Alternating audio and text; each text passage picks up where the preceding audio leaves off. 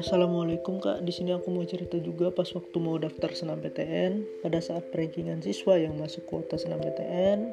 Alhamdulillah aku masuk dan saat itu senang banget. Setelah itu aku kompromi ke keluarga buat mutusin mau lanjut kuliah ke univ mana. Dan saat itu keluarga nyaranin untuk ke Unsri aja karena aku tinggal di Sumsel.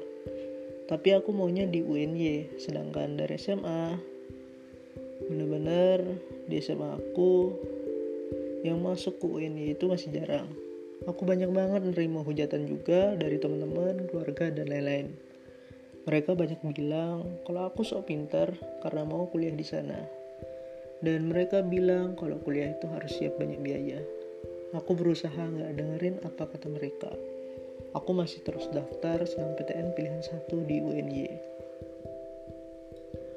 berkat Allah Subhanahu wa taala akhirnya aku lulus di SNMPTN UNY ini.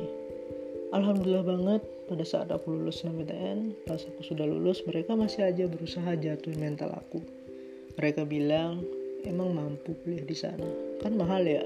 Tapi keluarga aku bilang ke aku untuk tidak mendengarkan kata-kata mereka. Mereka juga bilang ke aku kalau jurusan yang aku pilih itu sepi peminat. Pantaslah lulus. Jujur sakit banget rasanya dengar kata-kata kayak gini. Tapi nggak apa-apa. Aku akan selalu berusaha untuk buktiin ke mereka dan tunjukkan ke mereka versi terbaik aku dan niat terbaik aku untuk benar-benar kuliah di UNY titip doa juga ya kak. Semoga aku juga lulus KIPKA Merdeka 2021 ini. Amin. Salam dari aku hamba Allah. See you di next episode